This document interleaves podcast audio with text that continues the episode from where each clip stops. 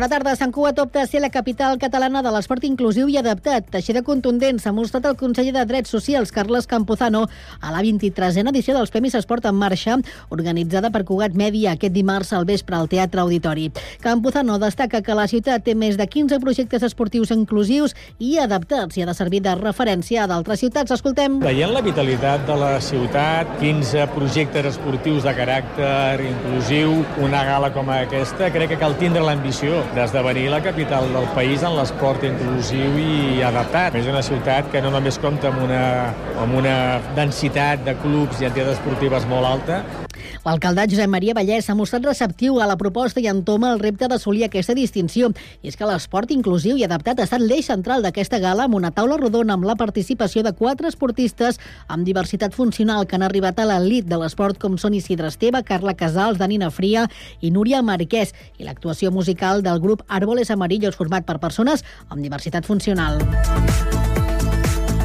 És dimecres 28 de febrer de 2024 i també és notícia que el govern espanyol ha confirmat que aplicarà un model homogeni en l'índex de preus del lloguer a tot l'estat que permetrà regular els preus dels lloguers. A Catalunya afectarà a 140 municipis considerats tensats per la Generalitat i podrà aplicar-se a partir del 13 de març, quan el barem es publiqui al BOE. Un d'aquests municipis és Sant Cugat, on el preu mitjà del lloguer en acabar el 2023, segons l'Incasol, era de 1.361 euros. El nou índex tindrà en compte les rendes, els preus del lloguer per districtes censals i les característiques del pis, entre d'altres. Sant Cugat es volca un any més en la commemoració del Dia Internacional de les Dones amb una vintena d'activitats organitzades per l'Ajuntament i diverses entitats de la ciutat. Les propostes s'arrenquen divendres i tindran el seu punt àlgid el mateix 8 de març amb l'acte institucional i la lectura del manifest, un cinefòrum, una pedalejada i una taula rodona. El programa busca aportar reflexió i coneixement sobre el tema, sobre el lema d'enguany, que és Atura la desigualtat. I a Valldoreix, l'MD ha deixat en mans de la ciutadania la commemoració del Dia Internacional de les Dones a l'acte institucional que tindrà lloc divendres 8 de març on la lectura del manifest i la projecció a les 6 de la tarda a la Nau de Cultura de Sinjar s'afegeix una jornada reivindicativa organitzada per Acció Cultural de Valldoreix que inclourà durant tot el dissabte 9 de març tallers, paella i música. Res més per ara. La informació torna d'aquí una hora a la mateixa sintonia i constantment a internet a www.cugat.cat.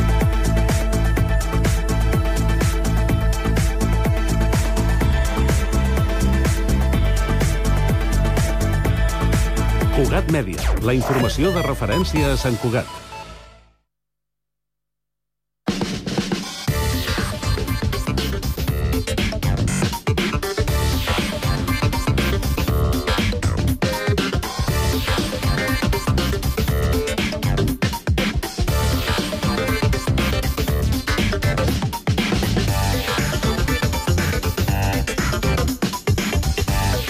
De la tarda, 3 minuts, inici de la segona i última hora d'aquest Connectats. Anem amb la informació de servei pel que fa al trànsit. Eduard Sánchez, bona tarda. Hola, bona tarda. Doncs de moment es mantenen aquests diferents uh, talls, sobretot a Girona i a Lleida, per les manifestacions dels pagesos. Recordem les vies principals. En el cas de l'autopista AP7 es manté el tall entre Borrassà i Vilademuls i a la Nacional 2 entre Bàscara i Vilamalla. També a la Nacional 152 a Puigcerdà i a la C38 al Coll d'Ares. Pel que fa a Lleida, destaquem sobretot el tall de l'autopista AP2 entre Soses i Lleida, a l'autovia 2 també a Soses, a Vilagrassa en sentit Barcelona i a Tàrrega en sentit Lleida, i també la Nacional 230 al Pont de Suert. En el cas de la C14 són tres punts de tall a l'altura de Tàrrega, també a Pons i també a Bassella. És tot. Bona tarda. Gràcies i bona tarda. Pel que fa al Transmet, el transport públic, Albert Garram, bona tarda. Fins al moment parlem de normalitat a la xarxa de transport públic de l'àrea de Barcelona. Sí que destaquem que pel Mobile TMB ha reforçat el dispositiu de mobilitat on a banda de poder arribar amb les línies L9 Sud i L10 Sud de metro, dels ferrocarrils de la Generalitat a plaça Europa i busos com l'H12 TMB ha organitzat un servei de busos llançadora directes entre plaça Espanya i Gran Via de l'Hospitalet. Per aquest motiu, l'ocupació de passatgers en aquestes línies pot pot ser superior a l'habitual durant tota la jornada. De moment això és tot des del Transmet.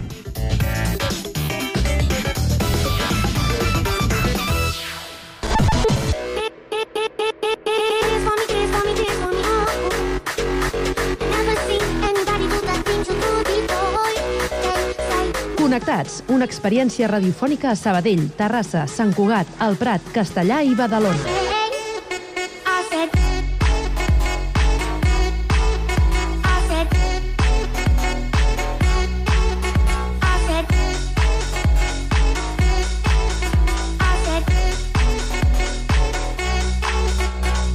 Connectats amb Carme Reverte.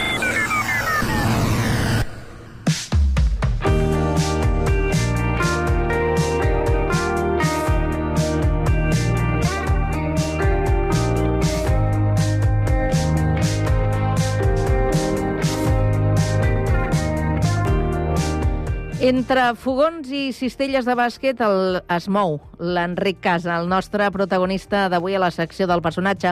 Ell és un jove xef eh, pretenc que actualment treballa en un càtering dedicat a grans esdeveniments esportius internacionals, però que compagina cuinant per un restaurant local del Prat. A més, porta les tasques de coordinació d'un club de bàsquet del Prat. De tot això ja intuïm que és una persona que, que no para i que porta bé la pressió.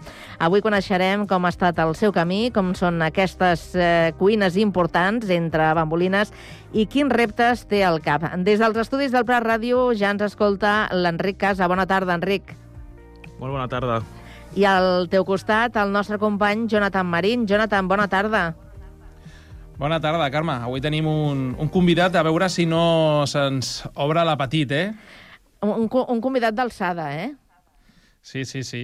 Sí, jugant una miqueta també amb això amb el bàsquet. Um, Enric, um, a, a mi, la veritat és que, no sé, la Carme, però a mi el tema de la cuina em, em fascina. Um, tu tenies aquesta curiositat o et cridava l'atenció ja des de ben petit? Jo, des de ben petit, doncs sí que la veritat que el tema dels fogons doncs m'agradava. Sí que és veritat que no ho veia com un, com un camí a seguir a nivell de formació, perquè vinc d'una família que s'ha dedicat sempre al món d'economia, de, del que seria el món dels números, i jo vaig començar Uh, bueno, vaig acabar el batxillerat i vaig començar a la universitat fent Ai, ja administració i direcció d'empreses, ah, però vaig decidir fer un canvi perquè a nivell de cuina sí que és veritat que cada cop doncs m'interessava més, però no sabia fins quin punt doncs, dedicar-me professionalment seria el camí a seguir. I llavors doncs, vaig fer el canvi, vaig fer un cicle superior, una especialització, i a partir d'aquí vaig començar a trepitjar el món En- laboral. en- i Enric, Enric, ens disculpes un moment? És, tenim, eh, algú se'ns està colant eh, des d'una altra emissora, crec que és el nostre company, en Jaume Clapés. Hi ha alguna... Hi, ha... Sí, no, estàvem els dos aquí mirant-nos i, i pensàvem, és que què és sem- això? Semblava la casa de, de los otros, no? Que sortien veus. Dir que tenim massa convidats. No, no. El convidat que tenim ara és l'Enric Casa i ara sembla que ja ho hem resolt. Ara ja tenim en línia el Prat i, i des, de, des de Sant Cugat també eh, eh, us estem escoltant bé. Eh, disculpa, Enric, eh, perquè t'hem No, no, no pateixis, t'hem no hagut de, de tallar, però clar, és que era una situació una mica... Un, una mica estranya? No. O en... Encara ho sentim, eh, Carme? Encara, Papers encara amb els sentim. del Quim Cacau d'aquesta Sí. temporada Sí. i control Algú- tècnic algú tenim el s'està colant. Càrceles. Atenció, I castellà. l'estudi tenim molta canalla, a veure. El, el, el Jaume, no sé si, si ens estarà escoltant, o en qualsevol, els Pablo. companys eh, tècnics de, de Ràdio Castellà. A veure si podem mantenir aquesta conversa amb una certa normalitat per entendre... Fent, fent aquí un crossover. I d'on ve? D'on ve? De, d'ajuntar els noms? És una situació una mica... Vale. Una mica complexa. Clar, uh, l'Enric ens estava explicant una mica uh, a la meva esquerra, la aquí seva com afició per, uh, pels fogons, no? I ens explicava doncs, uh, una mica d'on li ve tot grup això. Eh, a veure grup si... no sé com es diu. Perquè sou entremaliades o A veure, és... Ara et sembla que ara sí. ara, ara sembla que sí. A veure si podem Perquè mantenir... M'he quedat en una entremaliada. Vinga, O sigui que... a veure, Enric, a veure si podem uh, reprendre la, la conversa. No. Deies això, no?, que no et venia de, de família, perquè la teva família es dedicava més a una vessant econòmica i una miqueta aquesta, no sé si dir amor, passió per la cuina, t'arriba una miqueta amb el pas de, de, Sí, o dels sigui, anys. a casa meva sempre s'ha cuinat molt bé. eh, La meva mare, com qui diu, té bastanta afició en aquest aspecte. I sempre, sempre m'havia agradat, com qui diu, no donar un cop de mà perquè en aquestes coses doncs, potser em sentia una mica més allunyat, deia, bueno, que cuini ella, que ja ho fa prou bé. Però és això, vaig fer una mena com de canvi entre el que seria una, etapa de futur i el que seria barrejar una mica també el que de veritat m'agrada. I això el que dic, vaig estudiar, vaig deixar la, la carrera per dedicar-me a tenir una formació sobre cuina i tot va anar molt bé perquè em vaig començar a sentir a nivell personal bastant millor i he pogut descobrir doncs, bueno, una vessant que m'interessava molt i just, justament el que estàu comentant a nivell del catering de, de la Fórmula 1 al qual he estat els últims anys doncs he pogut també viatjar, veure molt món, conèixer gent mm, bueno, meravellosa i també dins d'això doncs, podia conèixer també cultures cul- culinàries de diferents llocs del món que potser fa uns anys quedaven molt lluny, però a poc a poc doncs, he anat podent veure de primera mà. Ara, ara parlarem d'aquest tema, no? d'aquest catering, que doncs, doncs és un gran aparador, però ara que parlàvem de, dels teus orígens de, amb la cuina, tu recordes quin va ser el, el teu primer plat que vas cuinar a casa o, o la teva primera experiència? Jo, per exemple, em recordo que va ser una truita que em va sortir fatal. Eh, però no sé si tu tens aquest record de, del primer plat o la teva primera aventura entre fogons. Jo tinc un record molt llunyà, t'estic parlant que potser tenia 5-6 anys, en el qual si venia algun amic a casa, ja fos de l'escola o el que sigui, la meva mare doncs, ens intentava, com qui diu, fer-nos cuinar, ja sigui el típic pastís, allò que fas del pastís de iogurt, però per entendre una mica també de que el menjar no arriba a taula directament mm. que surt de la nevera, sinó que s'ha d'elaborar. Però jo ara mateix m'acaba... O sigui, aquesta pregunta, sincerament, m'he plantejat, però jo recordo fer llibrets de llom. Bueno. Que ara ho penso i dic, no és el més fàcil, ja que hi ha oli, que hi ha, entre cometes, per un nen petit, doncs és una mica perillós. Però ara que tal com es pregunta, jo recordo fer llibrets de llom. O sigui... Eh, bueno... I, I et van sortir bé? Ostres, aquí ja m'has pillat, però... Perquè jo, per exemple, sé que la meva truita va sortir mal, molt malament. Ara mateix no ho sé, però ara m'estic recordant i dic, crec que mai més n'he fet, eh? Ah, Vull dir... doncs mira, sí, potser sí, dic, sopa de- ara Home, ho tinc apuntat ja. Tot depèn del foc, eh? Si estava massa fort o estava més suau. No, segur que estàvem controladíssims. En el meu cas estava molt fort i per això la truita em va sortir fatal. Molt bé. Escolta, Enric, eh, tu et vas formar a l'Escola Sant Ignasi de Sarrià, especialitzada en alta cuina, gestió de restaurants i serveis de- d'hostaleria. Com, com recordes eh, aquella etapa? Perquè tu ara mm, dius, és que quan vaig deixar el que estava fent i m'hi vaig posar el que realment eh, m'agradava, vaig veure que, ostres, tu, quin canvi, no? Sí, eh, jo arribo al Sant Ignasi eh, amb molta il·lusió, molt content, però també amb una mica de por perquè acabava de deixar la carrera i dic, ostres, dic, sé que surt malament i, com qui diu, doncs he, he canviat una cosa per una altra i també em surt malament.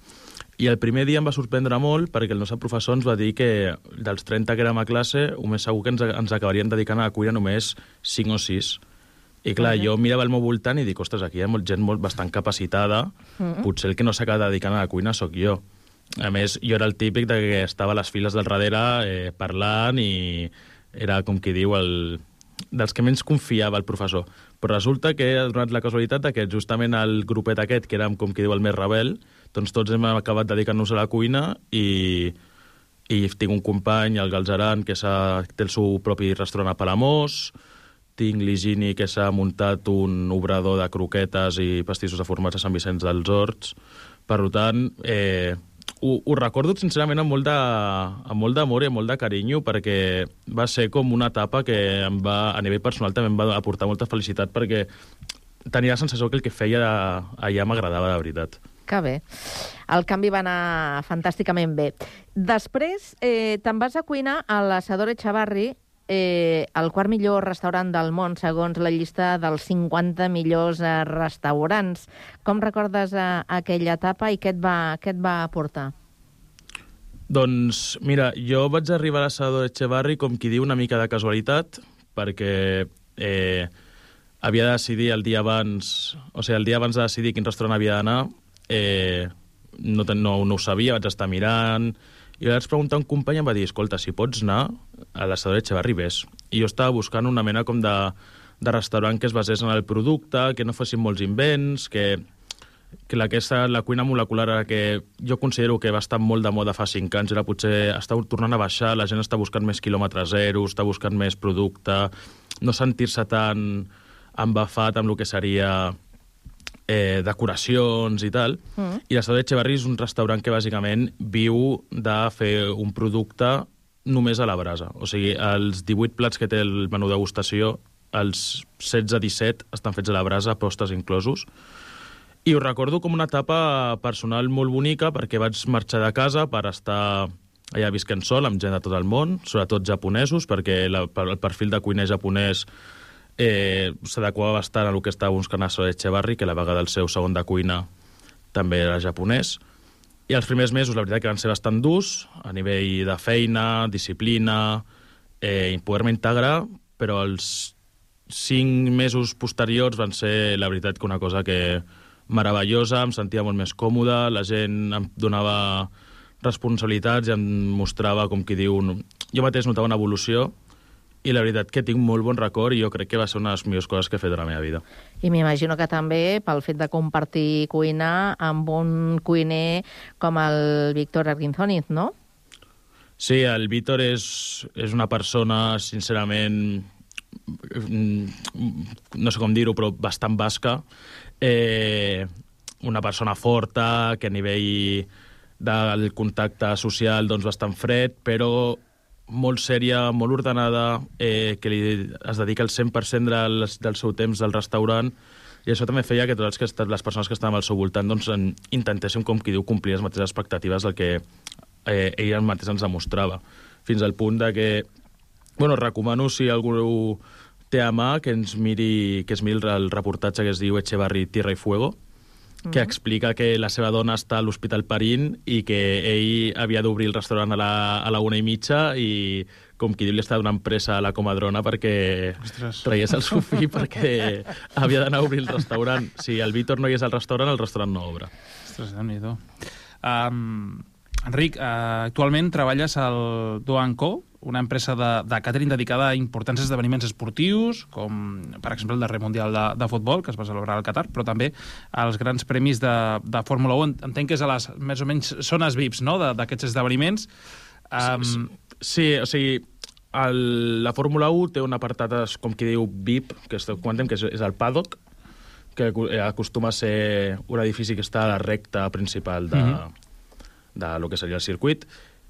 I... Aquí què podem trobar? Esportistes mecànics o és Mira, eh, persones convidades? Podem o... trobar des de persones que van amb invitació perquè hi ha algun tipus de patrocinador que, eh, per exemple, a Montmeló, doncs, si Santander té patrocina Ferrari, doncs potser hi ha persones representatives de Santander ca eh, Catalunya que van com a convidades, però també et pots trobar grans celebrities com, jo per exemple, a Montmeló havia la Shakira, el Neymar...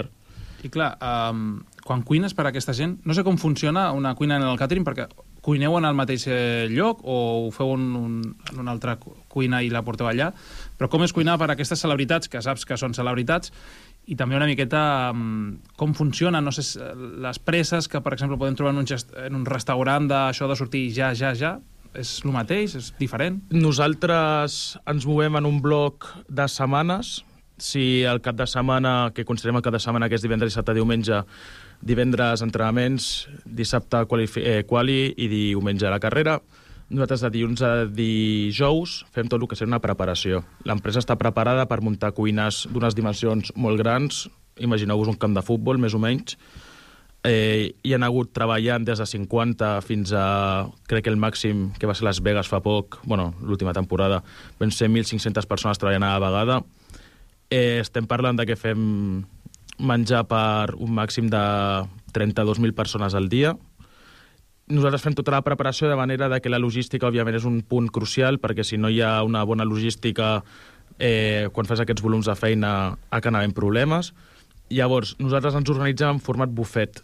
Nosaltres, durant tot el paddock, tenim, com que diu, uns petits estants on canviem els, men els, els menjars cada, cada dia, però jo, per exemple, si em toca fer peix, faré tres plats de peix diferents. Llavors, el client s'acosta a mi, que ells tenen totalment, com qui diu, barra lliure de menjar, s'acosten, jo li ofereixo el plat, li dic, doncs mira, avui tinc salmó, Mhm. bla, bla, doncs diu, dona'm un plat, i jo, com qui diu, amb el menor temps possible i la màxima qualitat possible, nosaltres li fem, li muntem el plat al, al moment Una perquè... miqueta de l'espectacle, no? Una sí, miqueta el del show, que sempre, el show, sempre cooking, agrada el show dona... cooking agrada molt. Ja El show cooking agrada molt i és el que et dic, eh, són plats que són relativament senzills, però que sí que és veritat que sempre se li dona donar una volta perquè puguin ser doncs, a aquesta eina a l'altura de lo que, tot el que és la Fórmula 1 i tot el que mou.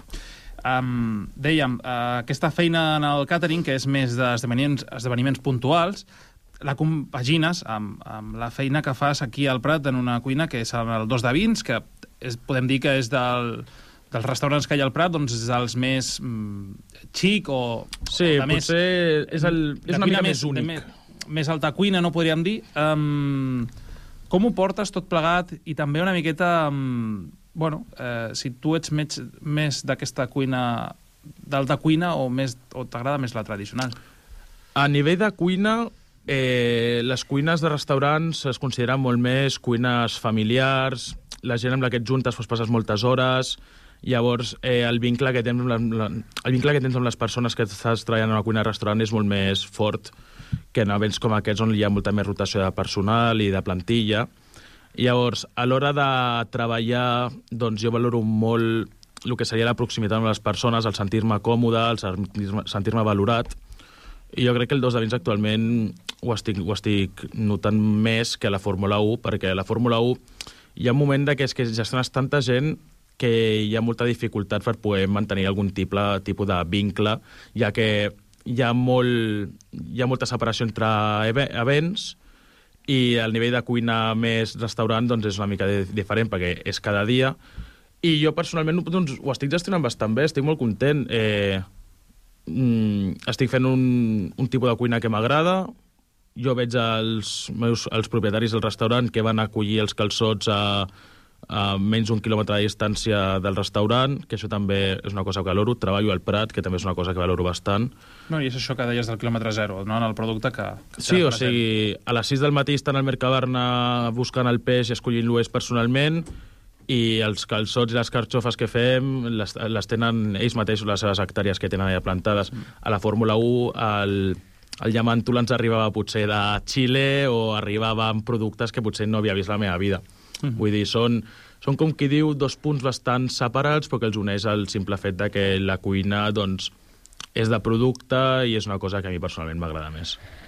Enric, saps que ens agradaria continuar parlant molta més estona amb tu, però que el temps ens està allò asfixiant i jo necessito un parell de qüestions molt, molt ràpides. Eh? Sí, eh, digues. les, les tres, el portes bé, sí o no? Sí, les tres eh, el porto bé. Òbviament hi ha situacions que són una mica més complicades que altres, però al cap i a la fi jo marxo a casa i la ment la, la deixo, com qui diu, per un altre dia i no, no, és una cosa que estic acostumat a no arrastrar. Val, digue'm una cosa que eh, quan acabes de, de, de la teva feina, de les obligacions dins de la cuina, et ve de gust menjar, tu. Uf! El problema dels cuiners... Diuen que és el, són els que pitjor mengen. Sí, és que el problema dels cuiners és que arribem a casa i potser ens mengem un tros de pa amb el primer que trobem. Vull dir, eh, Val. estem acostumats a Val. fer plats molt elaborats i després doncs, ens ve de gust menjar com qui diu el més ràpid possible. Senzillesa, no? Busqueu sí, senzillesa. no complicar-nos, sí. Ja, ja, ja, ja, ja.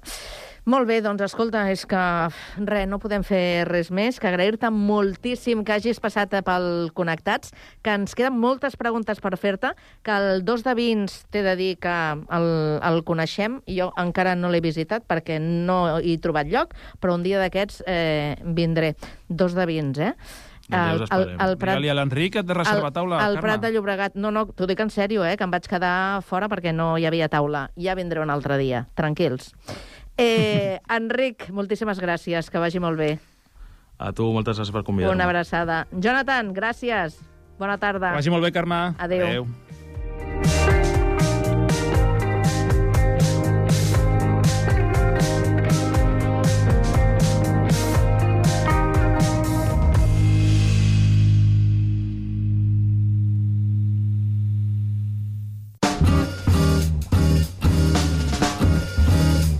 Molt de gust.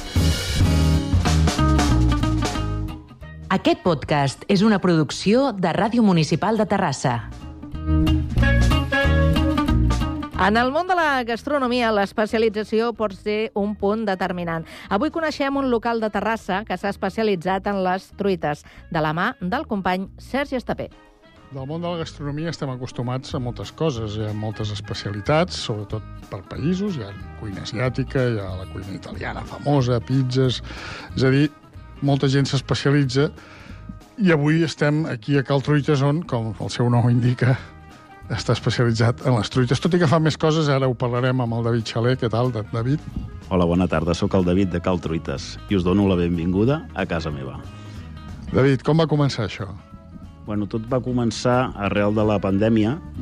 Jo abans ja, ja em dedicava al tema de les truites, feia una, una truita cada dia grossa i, es fe, i després feia un, un plat casolà. I arrel de la pandèmia, com que no podia um, obrir els, els bars i especialment els locals aquests petits, perquè el meu local té 30 metres quadrats, llavors me la vaig enginyar en fer truites individuals de tot tipus per potenciar la, la venda a, a domicili o per venir a recollir al local. Llavors tinc, faig de tot tipus de truites. Perquè abans de tot això era un, com un bar norm, bueno, habitual, no? que feies de tot, no? Sí, feia, per exemple, jo feia la truita gran i després cada, cada dia i cada setmana feia el mateix. Feia una truita grossa i llavors, per exemple, els dilluns feia sempre feia mandonguilles, dimarts feia faves a la catalana dimecres feia callos amb cap i pota i el dijous em dedicava a fer un plat guisat com podia ser les galtes de porc o l'estofat de vedella. I llavors tots aquests plats, com que són de cuina molt consistent i un dia per l'altre aguanten més i són més, més sabrosos, doncs feia eh, sempre aquests plats. Anem a les truites, que és el, diríem que el nom, el nom ho diu, no? que el truites, per tant, anem a les truites. Que, que, doncs, suposo que vas començar, ja, les típiques de patata i tal, però vas començar a fer servir una mica l'enginy no? per crear-ne de noves, no? Sí, bueno, la, tinc molts tipus de truites, i la clàssica és la de patata i ceba de tota la vida, llavors jo faig la base de patata i ceba, amb l'ou, que faig servir ou pasteuritzat, com que vaig potenciar el tema de, de recollida al local, però ens obliguen per sanitat a fer servir aquest tipus d'ous. Doncs llavors jo tinc, per exemple, eh, una cara és la de temporada, que és la de calçotada, que és la de, la de calçots farcida amb salsa romesco. Després, per exemple, la, la que, la, ara diré les que, van, les que funcionen més bé, que és la de botifarra negra amb formatge de cabra, la tòfona amb camembert, la paisana amb formatge de cabra, i llavors també, i per què no, quan faig els callos amb cap i pota, fer una truita de callos amb cap i pota. déu nhi no? Una, aquesta és una combinació explosiva. Sí, aquesta no la faig massa, bueno, la faig quan aprofito, quan faig tirada de, de callos, amb cap i pota pues, aprofito per fer-ne alguna d'aquestes. Hi ha gent que et suggereix, Escolta, David, fes aquesta truita o fes aquesta altra. Sí, sí, per exemple, algun client em diu de què la vols? I, i per exemple, et diuen, pues, la vull de carbassó amb Virgínia, o una altra que vaig fer una vegada que a mi personalment no em va agradar, que era de formatge blau amb pernil, amb virutes de pernil. Per mi era excessivament salada, però bueno, com que el client la volia d'aquesta manera, doncs li vaig fer així. I algunes també que siguin així originals que t'hagis empescat o, o més o menys el que has dit abans? Bueno, aquesta, de, per exemple, la de botifarra negra amb formatge de cabra, afegir-li poma, i la poma li dona un, un toc especial de dolçor, o inclús, per exemple, de sobrassada amb formatge i, i tocs de mel també és ben curiosa la combinació.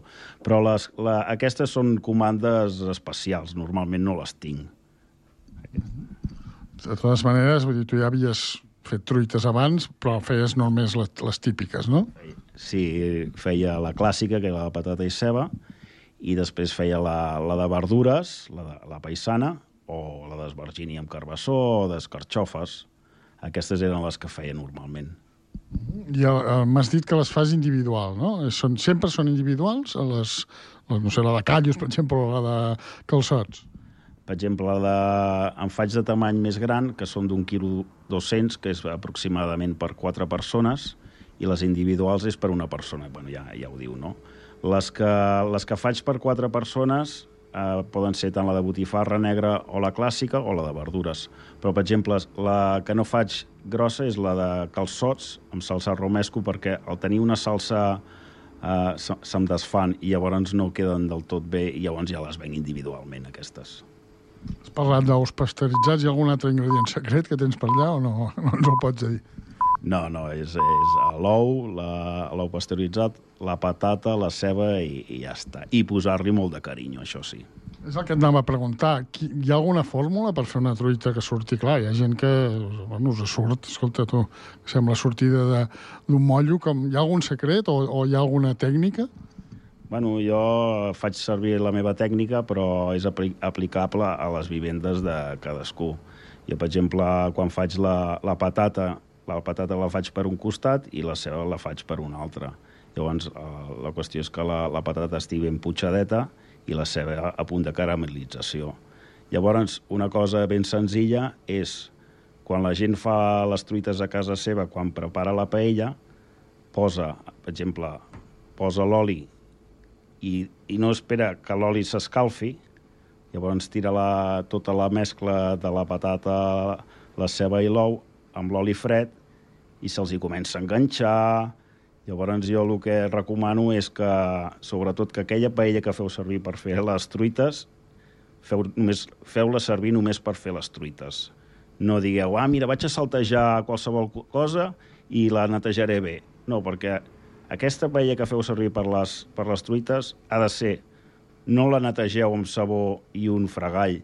L'heu de, una vegada heu fet la truita, amb un paper de cuina, la sequeu bé i ja n'hi ha prou. Un bon consell que esperem que, que la gent segueixi. Uh, com està, bueno, no sé, després de la pandèmia, l'èxit, has tingut èxit, la gent ve...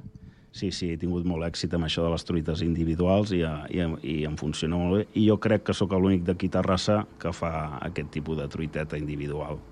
Són truites que, clar, o sigui, pensa que cada truita eh, té la seva feina, que cada truiteta d'aquestes són 5 minutets aproximadament. Hi ha gent que la vol sense ceba? Sí, però normalment quasi el 80-90% tothom la vol amb ceba.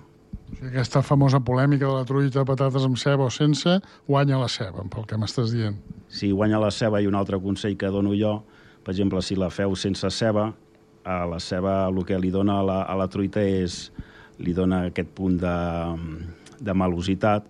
Si us feu una truita sense ceba és agafar-la i menjar-la de seguida, perquè la ceba, una vegada reposada, també deixa anar el seu suquet i també quan la cous pues, deixa anar aquest, aquest liquidet que li va bé a la truita. I, David, de truita francesa te'n demanen o no? Truita francesa, molt poc, molt poc. Clar, jo això de la truita francesa, al fer-ho amb ou pasteuritzat, clar, com que s'emmagatzema amb nevera, no queden bé aquestes truites, no queden bé, queden...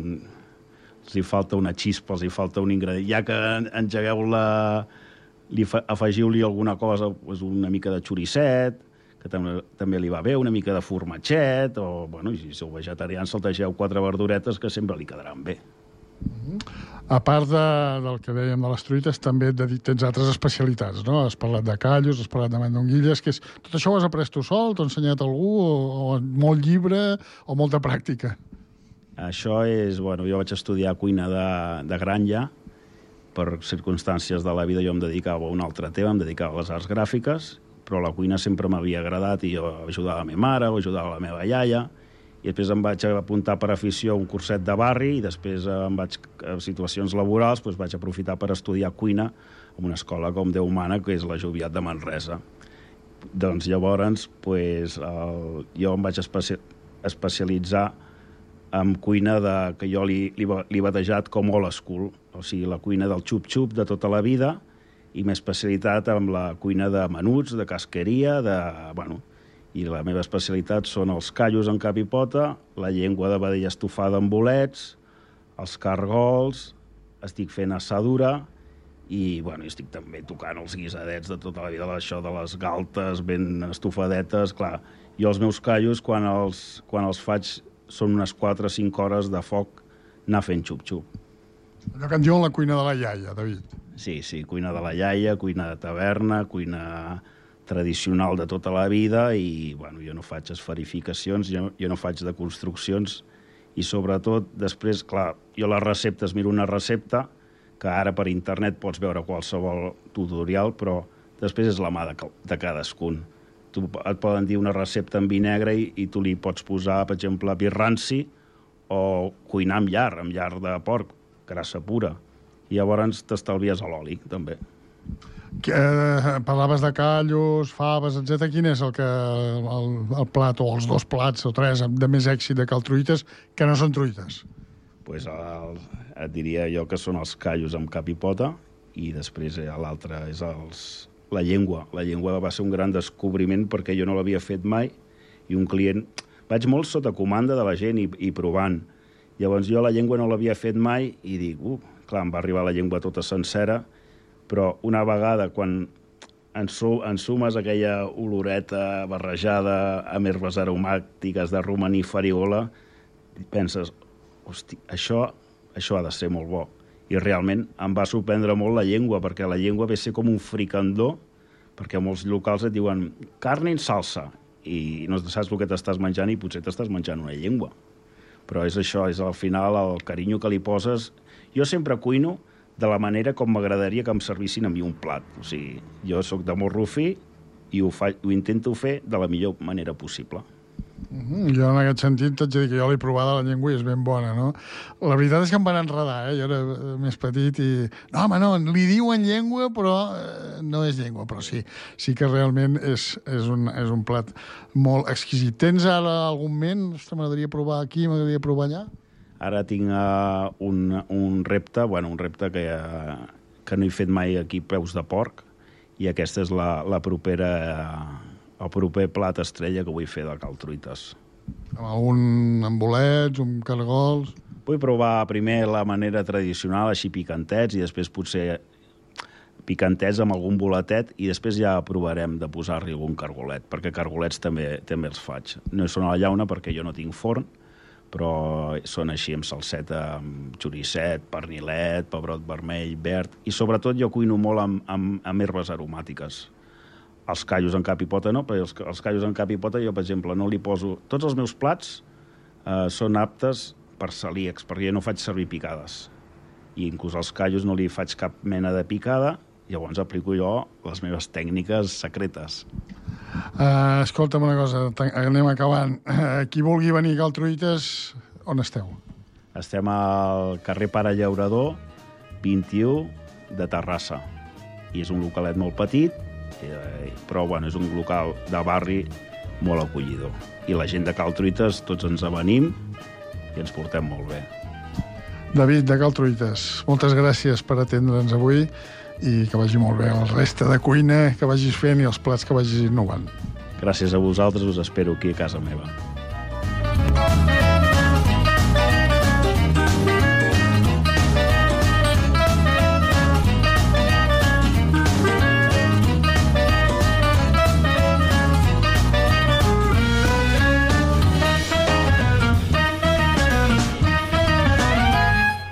Hola, sóc la Laura Llebre i últimament estic escoltant molt la cançó de Figa Flowers de La Diabla. És una cançó que, bueno, que, que és una mica per l'època que estem ara, que comença a fer sol, que tens ganes de quedar amb la gent, compartir estones... No sé, m'anima i em fa sentir superbé. Está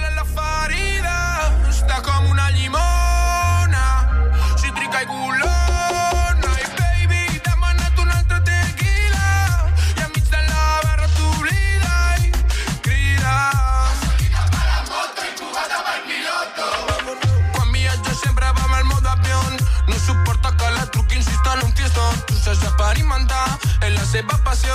No li interessa el marró, fot el culebrón. No me trula, la baby està feliç, no diu que avui s'hi desata. Li agrada dolça i agrada rico, fresas con nata. Esta pelita la pone, no tira barata. Parlant en plata, és una diabla.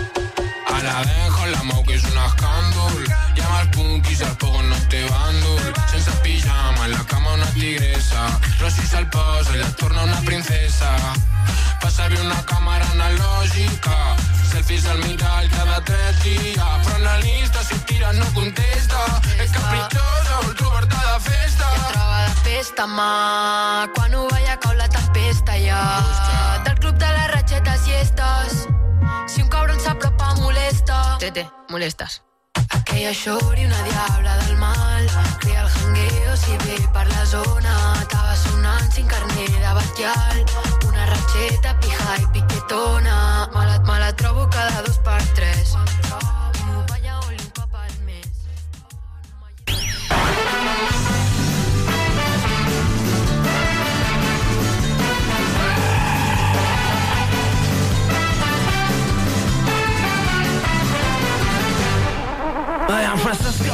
Bé, doncs arriba el moment de l'entreteniment en la recta final del programa. Avui Sergi Estapé i Oriol Carreras ens parlen d'una cosa que no haurien de fer, però que segur que més d'un s'hi sent identificat.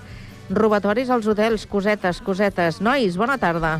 Ja, ja has begut l'aigua? Ja... Sí, he fet el glopet. Ja, fet el glopet. Sí. Doncs ja podeu començar, el- si voleu. El rotet no. El rotet no, perquè no és aigua amb gas. Potser si fos amb gas... És aigua de Ara ens Ribes. Allò que te l'aguantes. T'ha passat en directe, mai, que t'has d'aguantar la... No ho recordo, però possiblement, Algun segurament. que pugi allò. Alguna cosa, algun pollastre. Allò, sí. Alguna, Bueno, pollastre, és, cap- pollastre és una altra cosa. Allò... Ah, allò de... Mm. Allò d'aclarir la cosa. Els Què tal? Bona tarda. Vinga, ja era hora. Això és una vegada més Bona el tarda. Coses d'ara. Coses Sí. d'ara. Tenim dades del xat? Si, si, Sí, fem, si tenim sí, molts sí. oients. Estem per sota. Estem per sota del Coses sí, estem, d'Ates. estem per sota... Sí, bueno, estem de a fer el Coses del 15, futur. Menys... Bueno, escolta, ja, ja ho expliquem cada setmana, però, bueno, si més no, no està de més explicar-ho, que en aquesta secció el que fem és... Què fem en aquesta Què secció? fem? Marxem? No, no. No, que comentem notícies eh, D'ara. de- d'ara, de la setmana passada, de la setmana que ve... de l'altre. dies, Bueno. bueno, mira, aporta una notícia relacionada amb un estudi... Això dels estudis fa molta gràcia. Sempre a les ràdios comenten aquestes coses. Sí. Ha sortit un estudi on uns científics de la Universitat de Handerforing han fet un... No? Handerforing? Handerforing Concretament? podria ser un estudi. Però mira, que és Alabama o... Uh, a la, al costat. costat És de- a, En mis a, fregar, a fregar. Mira, uh, Foley o Faulty. Mira, parlem de l'hotel Faulty, que no és el Coses d'Antes, eh? Hotel Gran, Faulty. gran sèrie. Exacte. Hotel Faulty. Vam fer un Coses d'antes de l'Hotel sí, Faulty. Sí, sí, el recordo. Amb en Basil, en Manuel... El recordo perfectament com si Jo fos sí, ara. jo sí que me'n recordo. Que jo també, tu eh? No, tu no. Que se t'estic dient que sí. bueno, parlarem d'hotels, vale? perquè 1.376 gerents d'hotels... Eh, Del món? Del món, els millors. O sigui, van fer un càsting i van fer... El senyor. Faulty, el senyor Faulty va un, un, participar. OT, un OT de gerents d'hotels. Ah, estaria molt bé. I, mira, Bona idea. format, punta, tenim punta. format. I eh, llavors van dir, diu, escolta, reunim-los, 1.376, ni més ni menys, eh? El motiu del nombre, del Bueno. número, no... no... No, bueno, perquè són els millors. Uh -huh. Clar, o sigui, a veure, I això que hi ha un RAC, hi ha una lliga. De... hi ha una lliga, hi ha una lliga que juga... d'hotelers. es juga en un Es- estadi neutral. Bueno, es juga els festius, eh? Exacte. Ah, o quan no és festiu, Quan més és aviat, festiu, quan és clar. temporada baixa. Bé, doncs, eh, els 1.376, i- i Ja, insisteixo... però igual la eh? temporada baixa d'un lloc de neu no és la mateixa que un lloc de platja, llavors També potser no veritat, és coincidirien. Potser... Bueno, igual fan temporada d'hivern, I temporada. gerents d'hivern, gerents d'estiu. Fan torneo clausura i torneo apertura. Sí. Ah, exacte, exacte. Sort que he allargat la sintonia d'Hotel Faulty perquè és que m'ho preveia, això. Va. Bueno, 1.376 gerents, insisteixo, De d'hotels món. de tot el món, all the world, eh, es van reunir perquè ja estan fins als nassos que els clients s'emportin objectes dels hotels. O sigui, hi ha prou d'anar als hotels i gorrejar. D'acord que hi ha hotels que et fan pagar uns preus, a lo millor, que poden semblar desorbitats, però tampoc no ens anem a... Però això, Saps? això, No ens anem a l'estudi a partir d'això, de les, de Home, les clar, queixes, perquè estan ja fins als nassos de dir, escolta, ja prou. que s'emporten les tovalloles, el barnús... Tot, tot el que sigui necessari. Ara, ara ho comentarem una mica per sobre, llits, però sí que... llit s'han dut? Home, el llit no s'ha donat, perquè és molt difícil, però cadires sí, eh? Sí, cadires sí. Per la finestra. Ah. Hi ha un Això altre baix. Cadira! Aquests nois fan balconi, no, fan cadiring. Això una vegada els parxís, mira, coses d'ara i coses d'an- d'antes, els parxís en un hotel es veu que tiraven cadires per la finestra. Macos, els nanos. Per jugar. Ah, molt maco. Sense pensar que a baix hi havia els fans. Esperem, allà. I algun sí. van fer algun nyanyo o no? no sé. Bueno, no, aquell any van baixar els fans. Van baixar. Se sap. Ara, ara ja es pot dir Hi ha hagut un estudi que Hi ha hagut un estudi d'uns gerents d'hotels de parxís. Bueno, doncs això, que mm, s'ha arribat a aquesta conclusió, que hi ha prou de- d'agafar coses, i el que agafen més, precisament, són tovalloles. Tovalloles es veu que és el que més eh, Però es manga, jo- que de fet... Sí, però Digues. la tovallola ja abusada, no? Home, si dius, mira, aquesta me l'han posat per estrenar. No, bueno... Encara tindria un sentit, però una tovallola que ha fet, l'ha passat per, per, per, per, per moltes, moltes, moltes Però- parts de moltes, moltes, moltes persones. No hi ha massa d'hotels, jo, eh? També No. ho he d'avisar. Ah, val. però d'un dia per l'altre, em sembla que te les canvien, eh? Jo crec que no, eh? Jo crec que sí. Si no la tires a la banyera... Però quin hotel has anat, tu? No, no. Home, clar, si jo no he anat mai amb un... No, no, sí no. Sí que he anat no, no, no, estic, no estic dient de, O sigui, un hotel normal... Un hotel de platja. D'un di... Bueno, bueno, un És hotel normal de... o no és normal? Un hotel de quatre platja- estrelles, eh, també. De... Ah, Però jo només vaig a dir-te una cosa. Jo, que sàpiga... Ah, bueno, sí, sí, tens raó, amb això tens raó, sí.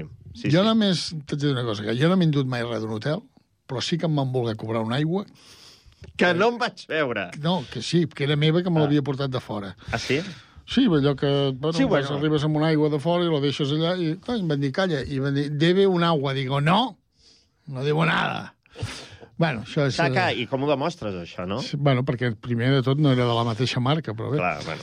Doncs mira, tovalloles, suaus, absorbents i d'alta qualitat, això és el que és manga més. Uh, suposo que estem parlant d'hotels d'alta gamma, sí que és cert. Ara, Ah. ara hi fem memòria, i és veritat que has d'anar tirant amb la tovallola, però em sembla que, depèn dels dies que et quedis, te la canvien, eh? Jo, jo recordo alguns hotels Jo que me molt- l'havien canviat. Jo fa molt que no... Sí o no? Sí, oi? Jo fa molt que no vaig a hotels d'aquests de 5 estrelles com tu, però jo recordo que posaven això, no tiri la, la, pel, pel, pel medi ambient... Hi ha anat de 5 estrelles, No, eh? sí, que hi anat. Que no hi ha anat, sí, no hi ha Hi anat. ha algun hotel que es diu Carreres? Hotel, Carre... No, no. hotel Carreres? Bernusos, Bernusos també és, és a tot i plen, o sigui, allò...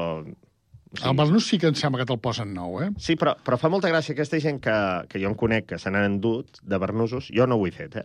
Llavors vas a casa seva i posa Gran Hotel. I el de... No, jo em fotimer de Bernusos allà, Gran Hotel, Hotel Grande, bueno, tot, tots els hotels que han estat. Nou Hotel... I no se'ls posen. O sigui, el bo és que pel camí que has de fer del lavabo a l'habitació, no sé, a veure, a no ser que tingueu mencions, però hi hagis d'anar en patinet del lavabo a Tampoc l'habitació. potser no seria necessari. Tampoc no cal el Bernús, no? Mm, És d'això, pels, ara ja és pels nens petits. Jo crec que sí. Però tot i així, hi ha gent que se l'endú. És com el pijama d'una peça, una persona Clar, no es posava no. el pijama d'una peça. Pijama manta, que es diu, Pijama eh? manta. I els penjadors. Bueno, la, eh, jo conec Els gent... penjadors eh? dels hotels molts Ja- són molt tronats perquè sí, sí, estan sí, doncs enganxats se'ls i només... enduen, se'ls enduen. Bueno, però n'hi ha d'aquells de fusta que els hi fan gràcia. I el que més s'enduen són bolígrafs.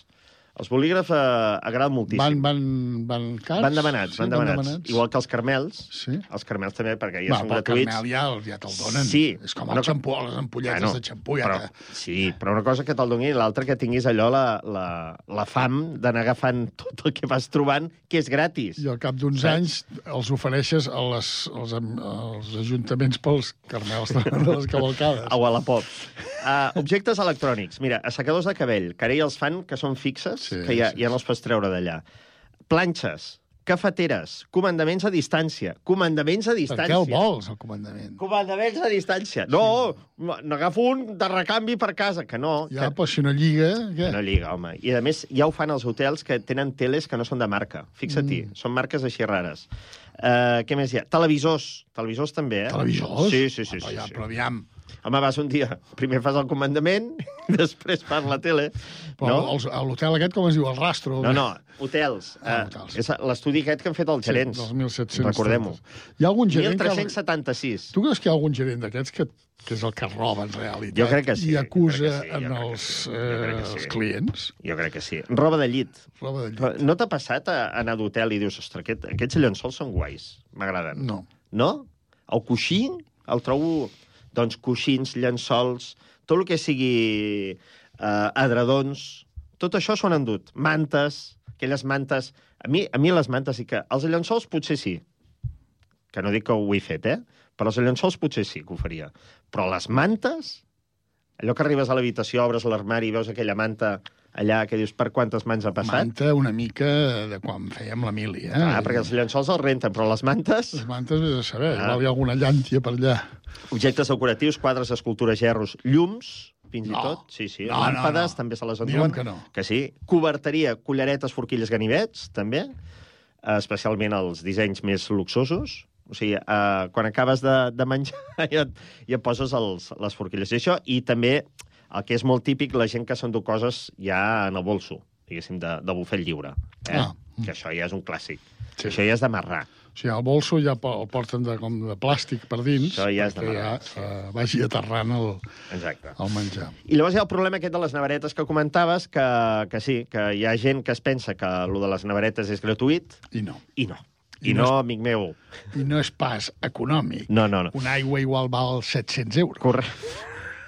Potser exagerat, Sí, 70 sí, euros. no, no. igual et toca pagar més que la hipoteca, però, però sí, sí. Mira, jo eh, tinc una anècdota respecte a això, mm, una mica com la teva. Uh, era un hotel de Londres, ah. era el viatge de noces, eh? Tranquils, calma, calma. Mr. Carreras, calma. Mr. Races, Mr. Races... I arribem a la nevereta i vam dir, calla, farem una cosa. Anàvem, anàvem de baratillo, sabata i espardenya. Sí. Perquè, a més, havíem perdut la maleta, en fi. Què dius, sí, sí, tot un sidral, que ja explicarem Això sí altre començar bé el matrimoni. Sí, eh? És sí, un bon sí, inici. Sí. Va començar molt bé.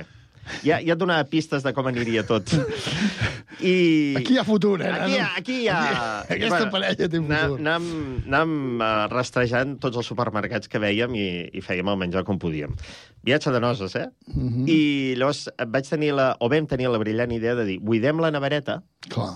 i així anem omplint amb, amb coses i llavors quan marxem tornem a treure-ho Jamó i el que faci. saps? Treure, posar, treure, Sí, posar. sí. Traiem les ampolletes aquelles que posen de licors, Sí. sí. aquelles merdetes, anem fent, no? Anar traient i posant. Doncs el treure i posar comptava.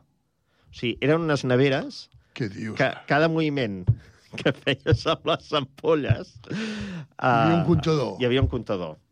O sigui, ja estàvem pràcticament escurats, no és broma, que, que bueno, vaig haver de demanar calés perquè és que allò va pujar una miqueta. Però almenys et vas endur les ampolles després, o no? No, perquè ja, això t'agafa ja a recepció, ja al Ja, final, ja, ja. al final de Jo l'estada. sí que he estat alguna d'estiu, eh? Alguna que mm, et permet... O sigui, que té una nevera Sí.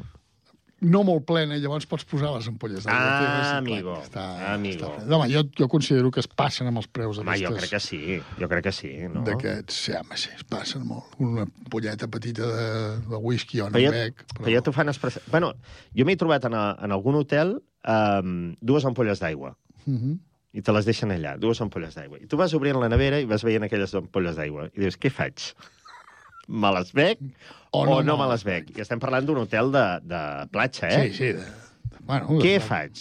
I va passant un dia, bueno, tampoc dos dies, pensem, dos o tres dies, com a molt, em sembla que va ser. I, i al final vam dir, saps què, ens les bevem. Però ja no te la veus bé. Sí, ja, ja és una Saps? aigua que no acaba d'entrar bé. Només t'he de dir que eren quatre i les vam repartir. I, I llavors, res, vam marxar com si haguéssim robat, eh? I ningú ens va reclamar res ni res. Ja, ja. O sigui, va ser un detallet de la... No, jo només vaig estar patint. se'ls va deixar algú, eh? segurament, però vaig estar patint... No, no, no, eren noves. Bueno, vull dir, eren de l'hotel, suposo. Uh -huh. Però vaig estar patint fins que no vaig arribar i van passar tres dies o quatre. Uh, bastant, eh? Perquè aquesta és l'altra. O sigui, la gent que manga, suposo que et truca a l'hotel de dir... "Txt, Eh, què? Perquè hi ha càmeres i hi ha coses, no? Puc dir una altra anècdota, molt ràpida? Endavant. No, home, no, ràpida. Eh, quan Tu portes el temps? Jo vaig estar dos anys treballant al, en el món del futbol, concretament al... Posa-li la música, no sé si ho posa-li he la música del explicat, Folti. alguns ho sabeu, el Sí. Terrassa Futbol Club. Quan, eh, Que ara fas coses, no? Que ara dius... Bueno, ara no, ara no. Eh? Però I- cop dius gol... Un, sí, però, bueno, però jo, jo treballava pel club, llavors. Ah. llavors vam anar... Ah, tu pel club. Sí, vam anar a jugar... Gol! Aquest no és el Sergi, eh? No, no sóc jo. Com fas el gol? Vam anar a jugar... Com, com fas el gol? Gol, gol, gol, gol. Com el José Ángel de la Casa? Sí, més o menys. Gol de senyor! Gol de senyor! Gol No, de senyor! senyor! Bueno, el cas és que vam anar, a vam anar a jugar a la Rioja, no me'n recordo si vam anar a jugar al, Fa, al, al camp de l'Alfaro, al camp del Calahorra, sí? no sé què. Segur? I vam fer nit en un hotel. I llavors, sí. quan tornàvem al tocar cap a Terrassa, em ve un jugador i em diu la llave de l'hotel que me l'he llevado. I em va donar una clau. I tu va no era una clau, no era una targeta, no, era No, no. una clau petita, però amb un penjoll. Allò que hi ha un clauer de ferro. I està a casa encara, la tinc allà, perquè vaig voler-la enviar, ja l'enviaré, va passar uns dies, no me la van reclamar, i dic, saps què? Tu, La tens a casa? Està a casa. I de quin hotel és? No me'n recordo ara. Hosti, és per anar... Home, doncs està Vamos molt bé. allá, ¿no? Vaig un dia allà i entro Home, a l'habitació. Doncs clar, entres a l'hotel, hola, ja tengo la llave. Igual a partir de llavors entres. van canviar el penjoll. Ah, bueno, clar, és una feinada, eh? Ostres, Sí, que sí, fort, sí, que sí, fort. sí. I no la van reclamar ni res, eh? No, no, no. Jo recordo això que vaig dir, va, ja la tornaré, però bueno, era això era ja al final de temporada, i llavors, com que ja vaig canviar de feina, ja es va quedar. Ai, bueno, només dic que aquests robatoris el que fan és baixar el nombre d'estrelles als hotels. Per tant, no robeu. Ah, Per favor. No robeu ni us emporteu... Perquè hi ha un rànquing. No us emporteu les claus. Que sí, coi, per això... Ah, no, però hi ha un rànquing. Des Diu, del principi que estic dient que els No, però diu, li estan robant, vostè li han robat una làmpara i un coixí, Sí, clar, baixa clar, d'estrella. s'ho deuen parlar entre ells. Això Com és tu parles mica- de futbol és- o de... Doncs aquests deuen parlar de què, què t'han robat avui? Oh, avui una làmpada. És una, mica, bueno, doncs una mica inverosímil, però en fi. Bueno, en fi. Ja està tot, doncs? Ja- ja ho Molt bé, doncs ja ho sabeu. Si Apa. aneu a un hotel, si plou, no robeu. No robeu. No robeu. Ell no mai robeu. ho faria. No, no robeu. L'hotel no mai robeu. ho faria. No robeu, no robeu. No robeu. I si robeu, calleu, no ho expliqueu. No? Que queda una mica cutre, no? Eh, vas robar una, És una un dita. barnús. Sí, I la setmana vinent... Adéu, adéu.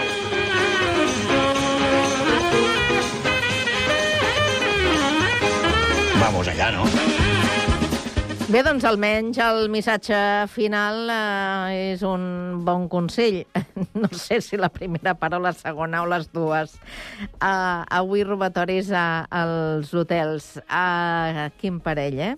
Els amics Oriol Carreras i Sergi Estapé, que cada dimecres a aquesta hora doncs, en porten una de cap. Per tant, els esperem de nou dimecres que ve a la mateixa hora per tancar, com sempre, el Connectats. Fins aquí arriba aquesta edició de dimecres. Demà dijous, eh, més continguts. Eh, continuarem sempre sent puntuals a la nostra cita amb vosaltres a partir de les 4 i 3 minuts. Fins aleshores, acabeu de passar molt bona tarda. Adéu-siau.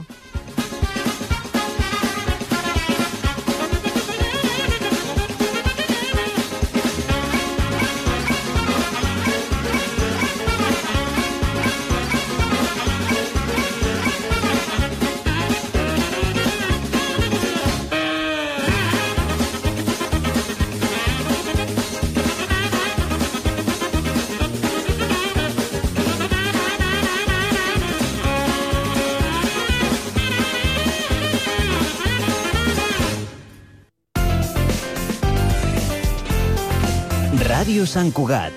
Cugat Mèdia. La música de tots els temps a Ràdio Sant Cugat.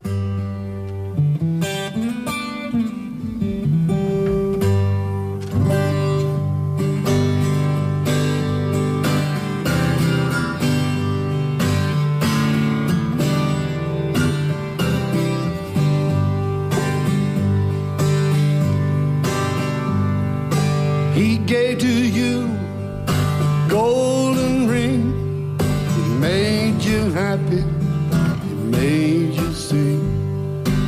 I played for you on my guitar. Didn't last long. Didn't go far. Though the times have changed, we've rearranged. Will the ties that bind remain the same?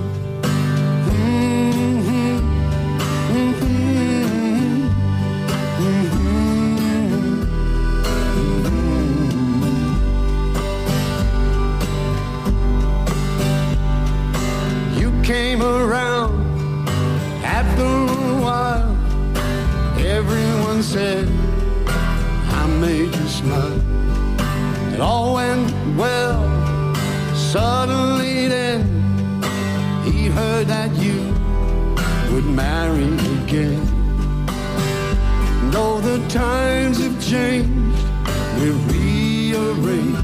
Will the ties that bind remain the same? Mhm,